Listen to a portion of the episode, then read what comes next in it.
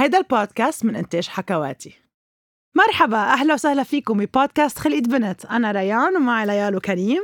هاي. هاي. حلقتنا اليوم مع جانا مقلد هي صحفية لبنانية مخرجة أفلام وثائقية وناشطة.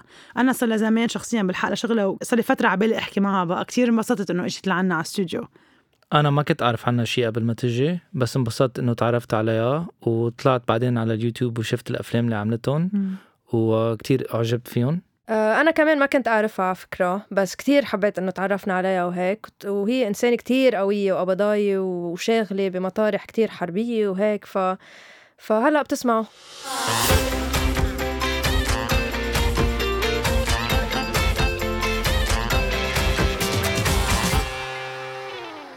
مرحبا ديانا. يا هلا فيكي. متشكرة كتير إنك معنا اليوم. شكرا كتير شكرا لك آه رح نبلش من الأول مثل عادة. آه بنسأل ضيفتنا هي تعرف عن حالها بكلماتها.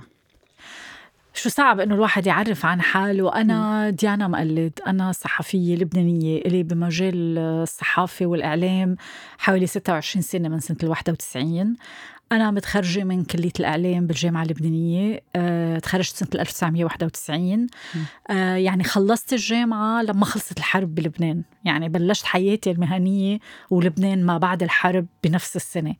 فتعلمت المهنة واشتغلت بالسنوات اللي لبنان كان يعني عشت آخر سنوات الحرب. والانتقال آه، كنت عم بكتشف شو البلد وشو يعني صحافة بهيدا الجو اللي كان بالتسعينات. إلي بمجال الصحافة 26 سنة إيه، بفترض.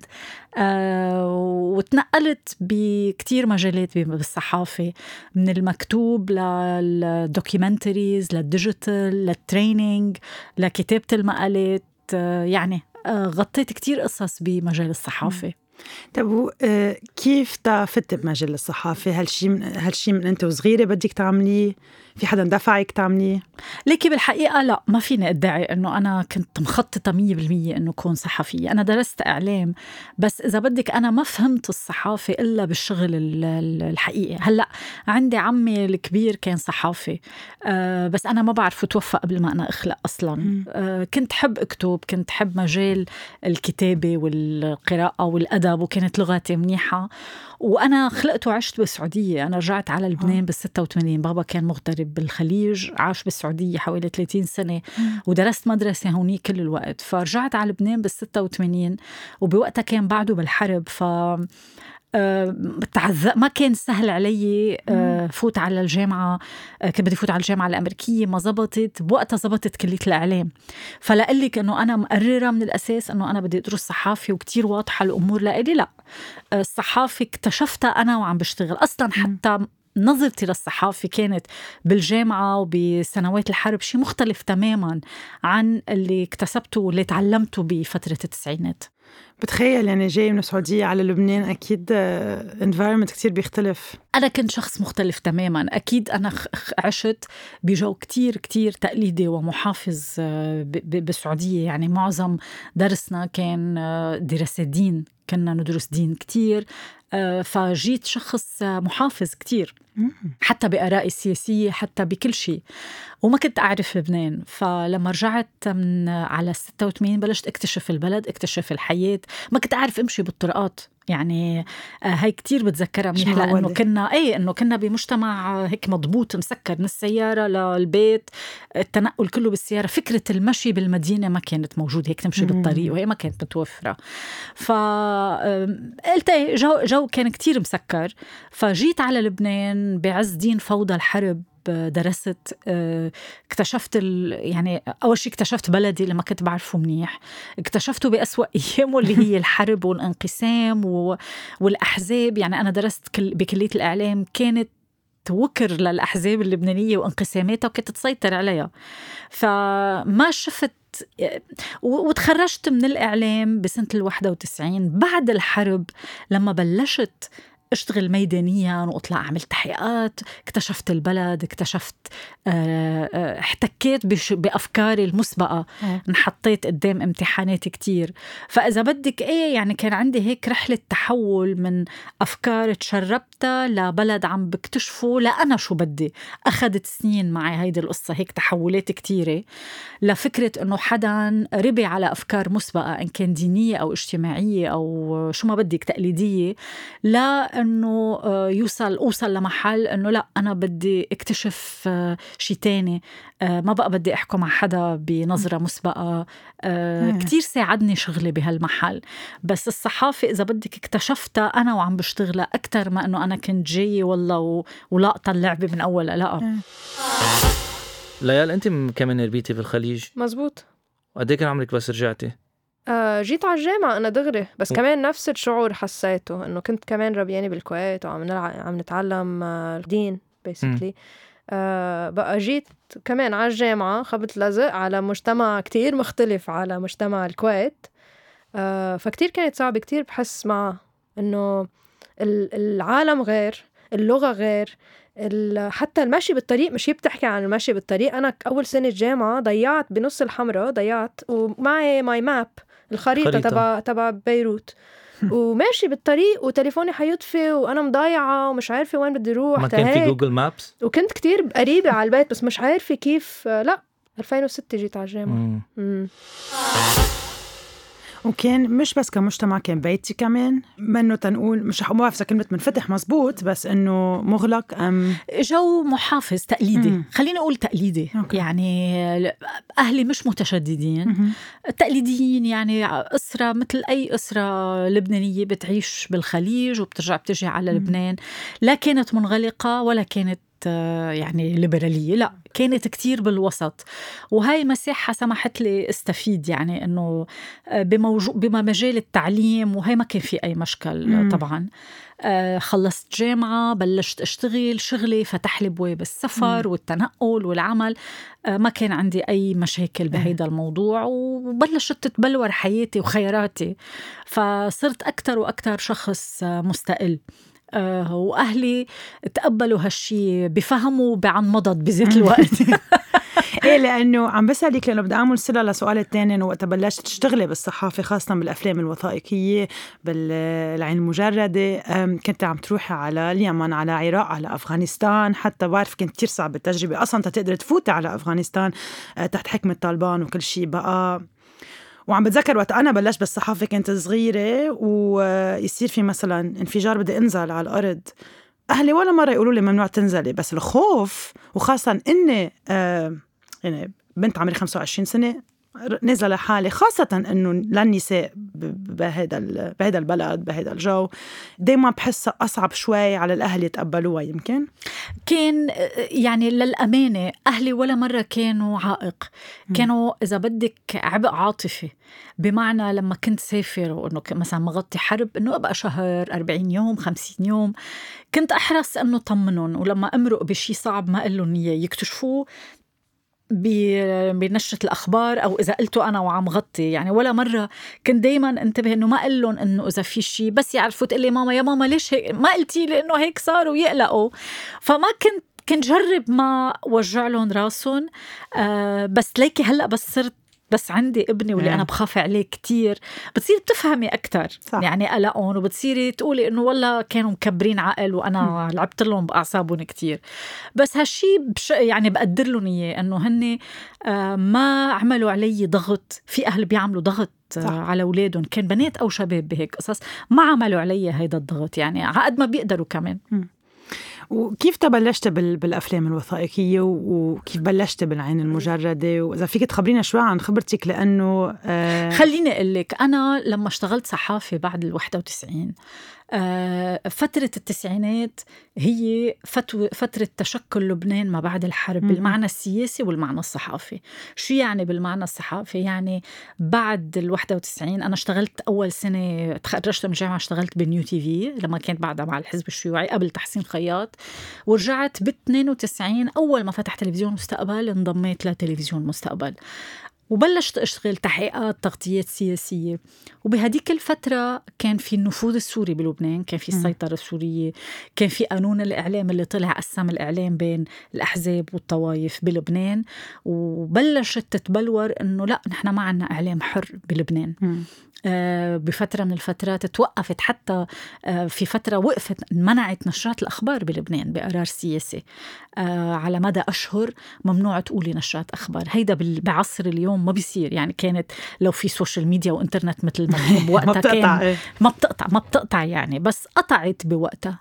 بوقتها بلشت حس شو يعني السقوف الواطية إنه ببلد مضبوط على إيقاع سياسي في في في سوريا في انقسامات داخلية في سقوف كتير. بلشت اتجه للقضايا الاجتماعية. كان إذا بدك ال motto تبعي إني ما أشتغل إلا الشيء اللي بقدر أشتغله عن جد منيح. م. يعني كي إذا بدك هي التسوية الداخلية إنه أنا ما بدي أعمل تغطيات منقوصة أو بروباغندا بس أنا بجرب أختار المواضيع اللي ما حدا بيقبل بيقدر يعمل علي pressure فيها. أه وصرت شوف القضايا الاجتماعية ما حدا بيقرب عليها كتير. وصرت أنا فعلا احس إني بلشت أشتغل على قضايا العاملات المنزليات آه، أطفال الشوارع. اشتغلت كتير بطرابلس على الأولاد اللي بيشتغلوا بكراجات السيارات. صار هيدا الشأن يشغلني. أه وبذات الوقت صار اهتمامي برات لبنان. يعني مثل ما قلت لك أنا لحقت مع عصر ما قبل الإنترنت ومع الإنترنت. عم نحكي قبل 97 و 98 كان يوصلنا الأخبار. مثلا العراق كان كتير شغلي أفغانستان وطالبان وصدام حسين وما بعد حرب الكويت وشو عمل بالأكراد بالأنفال. مم. يعني في في قصص كتير عم بتصير حوالينا. آه، كانت تثير اهتمامي نقراها بكتب نقراها بمنشورات مجلات. فكان عندي اهتمام بالخارج.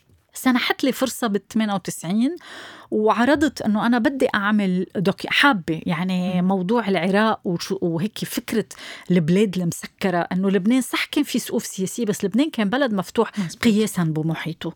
فهي التابويات والمحظورات والقلق الأمني كانت مش تستهويني كانت تشدني.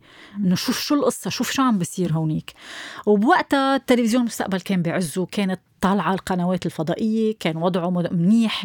آه وأنا بوقتها غطيت حرب 93 آه الإسرائيلية وعملية عناقيد الغضب بال 96 وأثبتت إلى حد ما مصداقية معقولة على مستوى التغطية الصحفية. وصار في ثقة في بشغلي إنه حدا جدي بشغله. فبال 98 آه، قدمت اقتراح إنه أنا بدي أعمل documentaries آه وثائقيات وبدي أروح على العراق. وافقت الإدارة وكانت أول تجربة لإلي. فسافرت على العراق آه وسافرت تحت حكم صدام حسين. بمعنى أنت لما بتروحي على هاي دول يعني بيكون عندك minder يعني بيكون عندك مرافق. وهالشي 90% من الدول اللي أنا رحت عليها تحديد الدول العربية دائما في إذن مسبق ومرافق يعني دائما في رقابة عليكي فبالعراق هي كانت أول تجربة لإلي. رحت على العراق. ومن العراق طلعت على مناطق الشمال مناطق الأكراد الحكم الذاتي. المرافق اللي معي كان مية رعبة. قعدته بالأوتيل وصرت أنا أبرم صوت وكنت قلقانة لأنه بدي أرجع على بغداد وبدهم يشوفوا الشرايط وأنا عملت مقابلات مع الأكراد والمخيمات وكلها ضد صدام بوقتها. ف وكيف بدي أشتغل؟ صرت ما قادرة مثلا بالعراق ما قادرة أتحرك براحتي دائما معي. فصرت خلي المصور اغمزه إنه خلي يبين كيف المرافق عم بجرب يتحكم لنا بطريقة التصوير. فجربت أعمل موازنة ما بين الواقع على الأرض وبين ضغط صدام حسين شو عامل بالعراق؟ أه وقتها اجى احتجاج من السفارة العراقية على شغلي ببغداد. المهم أه في شيء صار معي يومتها. لما صار وقت خلصت كل شيء ببغداد وطبعا كل يوم بدك تروحي على وزارة الإعلام العراقية ليتأكدوا إنه صورتي ما صورتي. ولحسن الحظ آه، ما شافوا المواد تبعي بس بيقولوا لي بآخر يوم إنه بدك تعملي مقابلة مع عدي صدام حسين. وبوقتها كانت سمعة عدي معروفة إنه شخص آه، يعني مثير للقلق حتى ما أقول شيء تاني. آه، فما كتير كنت مرتاحة للموضوع. بيومتها توفى الملك حسين. وقالوا لي بدك تروحي على الأردن لأنه بدنا نغطي. فقلت أنا هيدي اجت إج يعني أنقذتني هلأ. قلت له أنا مضطرة هلأ بدي أروح على الأردن. مات الملك حسين ولازم نغطي. فهي يعني إذا بدك هي كانت مثل الهروب من من بغداد. آه ويومتها وما عادت رحت على بغداد. اجى احتجاج لما عرضنا الحلقات. طبعا. آه عشان هيك وقتها حرب آه 2003 آه ما رحت على بغداد. كان بعده صدام وكان بعده السيستم فغطيت بمناطق الأكراد آه لأنه كان أسهل بالتنقل لإلي ما كنت قادرة أروح على بغداد. مم. فبس هاي قصة العراق. ومن وقتها سحبت يعني. مم. عملت أول حلقة رجعت رحت على أفغانستان إيران الكويت اليمن الجزائر صرت روسيا آه وصرت آه، بلش أنتج هيدي المواد. وهي كانت يعني أهم شيء عملته. آه وكان كتير كتير آه يعني علمتني هيدي التجارب. أنا سعيدة فيها جدا اكتشاف ناس قضايا مواضيع يعني هي أسست مين أنا شخصيتي حتى مش إنه بس كيف بشتغل. وبعدني لهلأ هيدا الشغف الأساسي بالنسبة لي هو documentaries فكرة إنك أنت تكتشفي الناس بالصورة تعملي تصوري تعملي مقابلات كيف يعني توافقي بين أنت شو بدك تقولي وكيف بدها تطلع بالكاميرا وكيف بدها تطلع بالمونتاج. يعني توليفة حلوة. بس بدي أعمل note للمستمعين والمستمعات إنه كثير منهم فينا نلاقيهم على ال YouTube channel تبعك. مزبوط بنصح كثير تبع إيران كثير حلوة. حلوة كثير من ال من ال documentaries اللي بتعمليهم بتحكي عن قضايا المرأة. وخاصة عملت واحد كتير حلو اسمه ضدي هديك السنة. بكيت كتير عم كتير صريحة. فيك تخب عملتيه مع كفا صح. فيك تخبرينا شوي عنه أه، ليش نقيتي هيدي القضية specifically وشو ما شو برأيك في ينعمل تا مش رح أقول تنحل قصة القوانين الأحوال الشخصية بس ما بعرف تنقدر نغير شوي. أه، من وقت ما بلشت شغل يعني اهتمامي بالصحافة كمان نابع من بيئتي ومحيطي. يعني أنا عشت ببيئة وبجو إن كان بالمدرسة أو ما بين الخليج ما بين لبنان. دايما آه، ربيت بالأول بمعتقدات تقليدية ودينية إنه المرأة آه، موقعها هيك بده يكون بالمجتمع. ومع الوقت بتصير بتكتر الأسئلة إنه ليه بده يكون هذا الموقع؟ وليش هي مش مساوية؟ ومين قال إنه لازم تحط على راسها هيك ولازم تكون موقعها متراجع. وهالأسئلة اللي بتصير آه، مع الوقت بتصيري تسأليها. هالشي صرت شوفه أكثر آه، مع تنقلي وصار هاجس لإلي. بشغلي. يعني أنا من الأساس لما كنت سافر كنت أهتم بالقضايا اللي لها علاقة بالسياسة بس كتير كنت دور على يعني أنا من أول ما بلشت لما رحت على آه، إيران كان همي موضوع المرأة. عملت حلقة عن المرأة بإيران وهيك كانت عملت عن المرأة بالكويت. وقتها كان موضوع الانتخابات مطروح.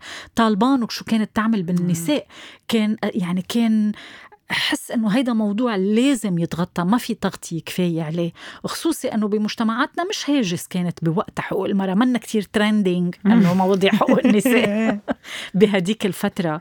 فالديمقراطية الأقليات أنا عملت عن اليهود باليمن عملت عن البربر بالجزائر آه، فكرة الأقليات نحن منطقة طاردة للأقليات طاردة للمرأة طاردة لكتير أي مختلف.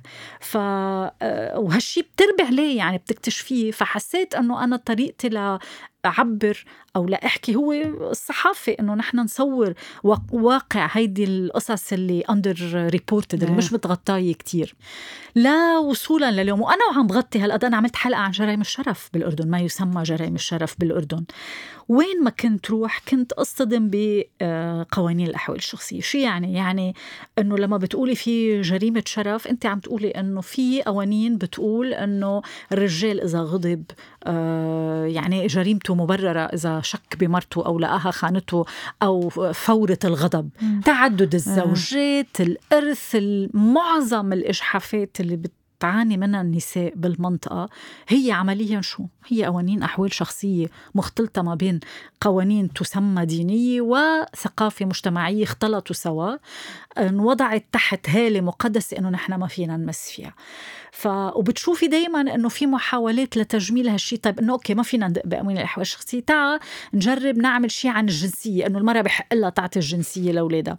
أو إنه okay you know بتعرف بالدين حلال ضرب المرأة. بس خلينا نعمل قانون ضد العنف العنف اللي أنا معهم مش عم بقول أنا ابدا ما أكيد. بقلل من أي جهد انعمل بهالمجال بس هي عمليا إذا بدنا نكون صريحين هي محاولات هروب من الدب الأكبر اللي بالأوضة اللي هو اسمه قوانين أحوال شخصية طائفية دينية مجحفة لا عادلة بحق المرأة والعيلة وأي شخص بال- بالأسرة. فحسيت إنه لا إنه هيدا هو الموضوع الأساسي. وأنا كان لي كذا سنة عم جرب بدي أشتغله. بالآخر رحت عند كفا و... وكفا طبعا هن متبنيين هالمشروع. آه، لقينا تمويل من منظمة آه، اسمها اي اي دي وعملنا الفيلم. آه، وهيدا الفيلم وأنا رح أشتغل هلأ عندي مشروع لا حلقات مقبلة من المنطقة العربية. عن قوانين الاحوال الشخصية بأكثر من دولة عربية. لأنه أنا بعتقد يعني خلق هون بده يتوجه ال- المشكل. في مشكل بهاي القوانين لاحظي نحن بلبنان كيف شوهوا كل شيء بدك تعمليه دغري بشوهوه بسبب قوانين الأحوال الشخصية. مؤخرا ليك الجدل اللي صار بلبنان عن قوانين الجنسية. رد لرئيس رد ال- الاقتراح اللي عملوه إنه تع- تعديل بسيط. يعني حتى ما فوت بتفاصيل يمكن اللي عم بيسمعونا ما بيعرفوها. بس فكرة إنه انت ما تأمني عدالة للمرأة بادعاء إنه هيدا شيء مقدس وهيدا شيء وهو مش صحيح. يعني بيقدر الواحد يجادل فيه. وأنا كتير آه، بجادل فيه. وهيدا فيلم ضدي آه، جزء من مهمته واللي هلأ عم واللي عملناها أكثر من مرة هو نقاش مع طلاب وطالبات، يعني أنا على الأقل في ست جامعات بلبنان برمنا عليهم وانديه شبابية نعرض الفيلم ونعمل نقاشات مع الطلاب والطالبات. اللي ما بيعرفوا بعد آه، شو هن قوانين الأحوال الشخصية أو شو بصير أو شو القصص اللي بتصير بالمحاكم، وهيدا شيء طبيعي بأعمارهم صعب. صبايا وشباب طالعين بيحلموا بالزواج بيروحوا بيتجوزوا بالمحكمة وبعدين بيكتشفوا الحياة آه، وصعوباتها. فبالنسبة لإلي كان كتير أساسي النقاش والإضاءة شو يعني آه، محاكم روحية بلبنان وشو يعني زواج وطلاق وإرث وغيره بهيدي المحاكم اللي آه، ما بتأمن العدالة المطلوبة للمرأة وللرجل ولأفراد الأسرة. فإيه أنا ضدي إذا بدك بتوج بجزء كبير ما بدي أقول بتوج مسيرة بتوج آه، صعوبات واجهتها. يعني أنا كل ما أشتغل على قضايا النساء أواجه بمعضلة ترتبط بشكل مباشر أو غير مباشر بقوانين الأحوال الشخصية. فحبيت إنه أعمل هالفيلم لأقول المشكلة بت بلش من هون. وحاجة نضل نهرب لازم نواجهها لهي المشكلة آه، بتغيير جذري لقوانين الأحوال الشخصية بلبنان والمنطقة. استصعبت تلاقي نساء يحكوا معك يقبلوا. يطلعوا على الكاميرا إيه، جدا. تخيل. أخذ أشهر. وكنت مصرة. يعني في كتير نساء قبلوا قالوا لي بنغطي وشنا. وأنا كان إصراري أنا إنه لا أنا بدي طلع وجوه. يعني ما بدي. لأنه المادة هالقد حساسة ولأنه ما بدي حدا يكون عنده تشكيك بمصداقية 1% إنه وجوه ظاهرة أسماء واضحة قصص معروفة قضايا بالمحاكم مع فايلات. ما في أي تشكيك بمصداقيتها. فلانه بعرف إنه هيدا موضوع بيخلق جدل وبيخلق ردة فعل. كان بدي قصص تكون يعني أنا بأفلام سابقة في كتير ناس طلعوا ما مبين وجوههم بس بهيدا تحديدا آه، حسيت إنه لا ما لازم يكون آه، مهم يفرجوا. إيه إيه أكيد. المهم كتير يفرجوا وجوههم. أكيد. أم وهديك السنة لا ب 2017 أطلقتي درج مع علي إبراهيم صح. وحازم الأمين. أم كيف طلعت معكم هيدي الفكرة؟ كيف تمشيتوا فيها؟ و... مثل ما قلت لك آه، لما بلشت صحافي بالتسعينات آه، تأقلمت مع فكرة السقوف ال- المت- المتفاوتة إذا بدك مرقت يعني أنا بهال 26 سنة فترة التسعينات اكتشاف السقوف لأنه عم نحكي ما بعد فترة الحرب آه، في سيستم جديد سياسة جديدة قوى جديدة إيران سوريا آه، اللي موجودين بلبنان. بعد التسعينات بالألفين زاد الضغط أكثر مع مجيء بشار الأسد مع الضغوط الإقليمية. بعد اغتيال الرئيس الحريري بال2005 وبعد الانسحاب السوري من لبنان حسينا أنه تنفسنا أكثر صار في مجالات حرية أكثر صحيح صار في اغتيالات سياسية وضغط أمني بس علي شوي آه، سقف التداول, التداول الإعلامي السياسي. كان في فوضى كان في شوية عنصرية أكيد بس علي منسوب الحريات بهيديك الفترة اجى ال 2011 بعد ال 2011 اللي أنا شخص آه، من اللي آمنوا بثورات الربيع العربي وما زلت وبعدني بعتبر إنه كانت حتمية ما كان ممكن بعد كل هالضغوط اللي صارت بمجتمعاتنا وقمع وسجون و ما يصير الانفجار اللي صار بال 2011 للأسف الثورات المضادة كانت أشرس وكانت أخطر وارتدت مزيد من القمع. يعني نحن قلنا بال 2011 رح يعلى منسوب الحريات. ارتد علينا صارت الأنظمة أكثر تشددا أكثر تضييقا على الإعلام. الميل السياسي فتك بما تبقى من مساحات حرة. يعني في بعض الأمور قبل 2011 كان فينا نقولها بعد 2012 و13 صارت أكثر آه، مقيدة. فبلشنا نحس بالضغط السياسي ضغط الميل السياسي والاستقطاب اللي صار بالمنطقة المذهبي السياسي قوض آه، المساحات الباقية من الحريات. شوي شوي عم تتآكل فحسيت إنه المأزق عم بيزيد. بال 2016 فكرت أنا وال partners تبعولي علي إبراهيم وحازم الأمين إنه نحن أشخاص بمنتصف العمر نحن مش صغار either now or never يعني يا هلأ وفي خبرة كمان وراكم كثير وعندنا خبرة وعندنا قناعة بمهنتنا بإنه في فينا نعمل شيء بالمنطقة. فجربنا نبلور فكرة موقع مستقل. آه بعد يعني الاستسلام إنه بالوضع القائم ما في أمل. آه لازم يكون في مساحات جديدة وسائل تعبير جديدة. والتكنولوجيا بتساعد. التطور التقني رخص إذا بدك عالم ال digital. فحسينا أنه في فرصة. وبلشنا نبلور الفكرة. آه، تواصلنا مع آه، مستثمرين عرب من ال progressives آه، اللي هن حبوا وترددوا بذات الوقت. وهذا الشيء بفهم لأنه القطاع ال business بالمنطقة بعده مضبوط في خوف عليه. فقلنا أوكي خلي نتواصل مع مؤسسات مستقلة غير حكومية آه، عندها مصداقية. وهيك كان آه، تواصلنا مع IMS International Media Support اللي هي بالدنمارك مع European Endowment for Democracy ببلجيكا. آه وكانوا أول مؤسستين اقتنعوا بالمشروع وبلشوا يدعمونا بدون أي ضغط يعني ضغط free يعني جديدة مش بيقولوا يعني lactose free إيه ما في شيء ابدا.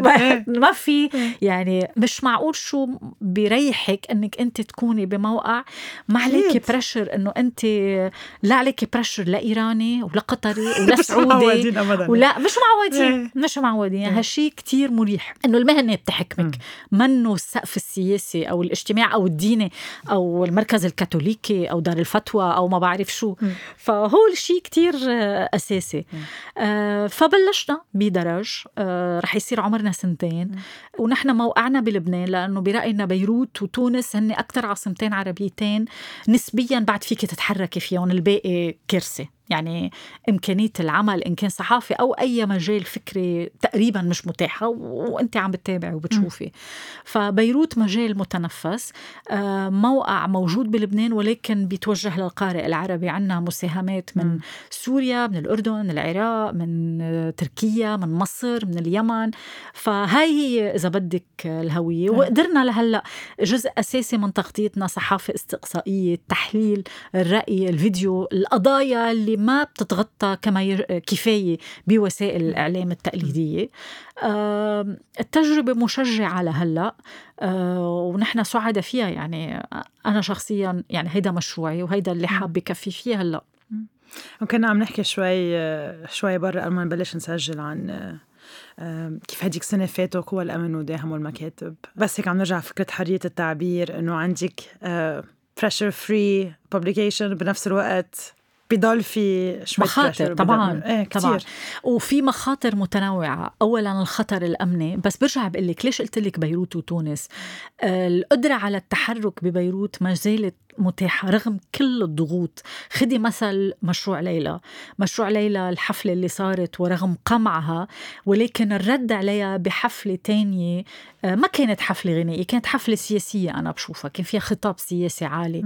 صحيح ما بدي ابني أحلام إنه هلأ رح يصير في تغيير سياسي بلبنان. بس في نواه نابضة لمجتمع متعدد رافض كل هيدي السقوف. قديش هالمجتمع بيقدر يوصل ليكون صوت قوي ما بعرف بس على الأقل في إمكانية لتحرك وإعلاء الصوت. وهالشيء بين إنه له أثر. وما ننسى إنه لبنان بعده بي يعني بي بيتأثر بالضغط الدولي. يعني قصة مشروع ليلى ما ضل وسيله إعلام عالمية ما كتبت عنها ما بعتقد في مسؤول سياسي آه، بارز بلبنان كان مرتاح بالصورة السلبية إن كان بموضوع النفايات إن كان بموضوع الحريات اللي عم تنعكس عن لبنان. وبالتالي أنا بعتقد أنه المجتمع المدني بلبنان بكل تنوعاته آه، إذا بيقدر يحافظ على حيويته ويطورها ويكون جدي أكثر هيدا الشيء بشكل حماية للمعنى الحقيقي للبنان اللي هو مساحة حرة نسبيا بمنطقة تعج بالدكتاتوريات وتعج بالحروب والمآسي. هي قيمة لبنان مش شيء تاني لا بحر ولا جبل حتى البيئة حرمونا إياها. بيبقى هالشوية الصوت وهالمجال للتنفس. بدي أسألك عن هالموضوع لأنه كنت كتير معنية فيه. طبعا. و... لأنه مثل ما عم تقولي بطلت بس قصة مشروع ليلى صارت قصة كتير كتير أكبر طبعا منا قصه مشروع ليلى أكيد آه. أكيد. أكيد آه نحن بنلاحظ في عدوى. يعني بالنهاية نحن بعالم آه عم تنتصر فيه آه مشاريع دكتاتوريه عم تنتصر فيه مشاريع مشاريع يمينية شعبوية. يعني أنت تطلع على خريطة العالم من ترامب لبوتين وما بينهما بالمنطقة أو بالعالم. في صعود مخيف لفكرة اليمين الشعبوي لفكرة الفيك نيوز للبروباغندا. فالمساحات عم بتضيق. وبلبنان إنه بالنهاية إنه بدهم يستفيدوا من هالوضع. يعني عم نشوف آه، دعوات أكثر للتأييد يعني صار في مثلا سياسيين بيطلعوا بيجربوا يشيطنوا إنه هول الجمعيات اللي بيقبضوا من برا أو هول المجتمع. هيدي لغة ما كانت موجودة بلبنان موجودة بمصر. وصار في حملة على مؤسسات المجتمع المدني بمصر. هلأ عم يجربوا يقلدوها هون بلبنان. إنه هول اللي بيحكوا على ال social media أو إنه هول الحفلات الشيطانية. يعني يعني في في قاموس عم بيتم استعماله عم بيستوحي من المحيط. منين عم بيجي هالقاموس؟ ما عم بيجي من فراغ عم بيجي من محيط آه، قامع ومحيط ديكتاتوري عم بينتصر بسبب التغيرات الإقليمية اللي صايرة. سو so, نحن يعني مش نحن بعتقد آه، بدون ما يحط الواحد آمال كبيرة أنت عم بتواجهي منظومة كبيرة أكبر منا بكتير. بس هيدا ما بيعني إنه الواحد ينكفئ ويقعد وما بيعني إنه يعتقد إنه هو بكرة رح يقدر يقضي عليها ويروحها. أنا بقول شرف المحاولة والاستمرار بإعلاء الصوت كثير أساسي وبمعارك صغيرة ممكن ينتصر فيها. يمكن ما بننتصر بالمعارك الكبرى أكلنا كف بالانتخابات وشفنا كيف ال... إيه ما هيك؟ رجعنا. إنه بالنهاية أنت ليش عم تجربي؟ تعمل عم تجربي تعلي آه، مساحة الوعي والنقاش وما تضل معلبة ضمن قطر طوايف وأحزاب ودين و و و. لا النقاش لازم يكون أوسع من هيك. آه، المعركة مش متكافئة أكيد. بس آه، بتستاهل الخوضة. ولضعف منطق يعني أنت ليكي مالكين الإعلام يعني المنطق اللي صار بقصة مشروع ليلى. من أعلى مراكز بالدولة بالسياسة بالإعلام في ترسانة تجندت لتشيطن أربع خمس شباب وأغانيهم. هل لا معقولية بهاي؟ آه، خسرتهم المعركة. أكيد. يعني أوكي ربحوا استبداديا إنه هن منعوا الحفلة بس شو طلع بالمقابل؟ صورتهم الحفلة الثانية اللي انمنعت. تحول القامعين لمهزلة. وبعتقد هي أكثر شيء آه، بهز الصورة لما بيتحولوا لمسخرة. هون بقى ما بيعود فيك ترممي هيدا الشيء فعشان هيك بتلاحظي إنه بدول المحيطه الدكتاتوريات يعني أي حدا بينال من هيبتهم أو بيتمسخر عليهم أكثر ناس بيستهدفون هن الساخرين أو اللي بنكتوا أو دغري هول بيحبسون. لأنه هون بتروح كل الهيبة بتروح فكرة أنه هن مقدسين وأسطورة وهيدا لا يمس وهيبة هو كله بيروح. بس تنعطي خلفية للموضوع آه، اللي كنت عم تحكي عنه ديانا هلأ خاصة المستمعين والمستمعات اللي مش عايشين بلبنان. مشروع ليلى هي فرق فرقة موسيقية لبنانية صار لهم زمان كتير بيلعبوا عشر سنين وما فوق بعتقد. وكان عندهم حفلة موسيقية بدهم يلعبوها آه، بمهرجان سنوي. وصار في ردة فعل قوية على بوست انحط على فيسبوك. حطوها مشروع ليلى من من زمان رجع طلع البوست هلا وردة فعل قوية قصدي صار في تهديد بالقتل و آه انجبروا يلغوا الحفلة. وكتير قامت الأيام على هذا الموضوع خاصة آه اعتبر شيء يعني اعتداء على حرية التعبير. آه وديانا كانت إحدى الناشطات يلي يلي نزلوا على الأرض وكانوا عم يدافعوا عن عن حرية التعبير بلبنان. بعتقد خاصة بعد شو كان عم بيصير آخر كم جمعة بعرف مني ومن كتير عالم مثلي يلي آه، حسينا باكتئاب فجأة آه، استغربنا بعتقد بكل شيء كيف كان يعني كيف عم تتطور الأمور بشكل سريع وبتخوف مية بالمية. هو مجالات الاكتئاب واسعة. آه عشان هيك بقول لك أنا دايما ما بحط أهداف غير قابلة للتحقق. م. أنا بقول الحراك لازم يستمر. الحراك بمعنى إنه المحاولة إنك تخلقي هيك آه، مساحات صغيرة صغيرة ما ضروري ما عم نحكي على نعبي ملعب فوتبول. أربع خمسة عشرة عشرين حفلة صغيرة موسيقى هول مع شو مع الوقت بيكبروا. اجتمع مع طلاب جامعة نعرض فيلم من هون. آه إذا منكبر أكتر من هيك بترتد خيبة ونبطل نعمل شيء يعني أهم شيء الواحد ما يلبكوا الأحباط لأنه في كتير أسباب لنحبط فلا بدنا نضل نجرب. يعني ما عندنا خيار تاني أنا برأيي. شكرا جانا مقلد. شكرا كثير لك. thank you إن شاء الله تكونوا انبسطتوا بالحلقة. نحن كثير انبسطنا وصراحة تركتنا شوي بروح هيك متفائلة. متفائلة. ما تنسوا تعملوا لنا like و subscribe. فيكم تلاقونا على حكواتي dot com وعلى Apple Podcast وعلى كل ال platforms وال tip of the day هي إنه آه، جربوا تطلعوا مع بعض بالسيارة بس تنزلوا على الشغل يعني مع جيرانكم. إذا بتشتغلوا بنفس المنطقة هيك بتوفروا شوية بيئة. شوية بيئة. شوية تلوث على البيئة. توفروا بنزين كمان. أوه بنزين. إيه لأنه رح يغلى البنزين وهيك. آه الحالة ثقيلة بسموها carpooling carpooling بالإنجليزي إيه. بنشوفكم المرة الجاية. bye bye ما بنشوفكم. نحن بودكاست اسمعونا مرة الجاية. اسمعونا مرة الجاية. مش حتزبط bye حتى نحن ما فينا نسمعهم هم بيسمعونا. Thank you.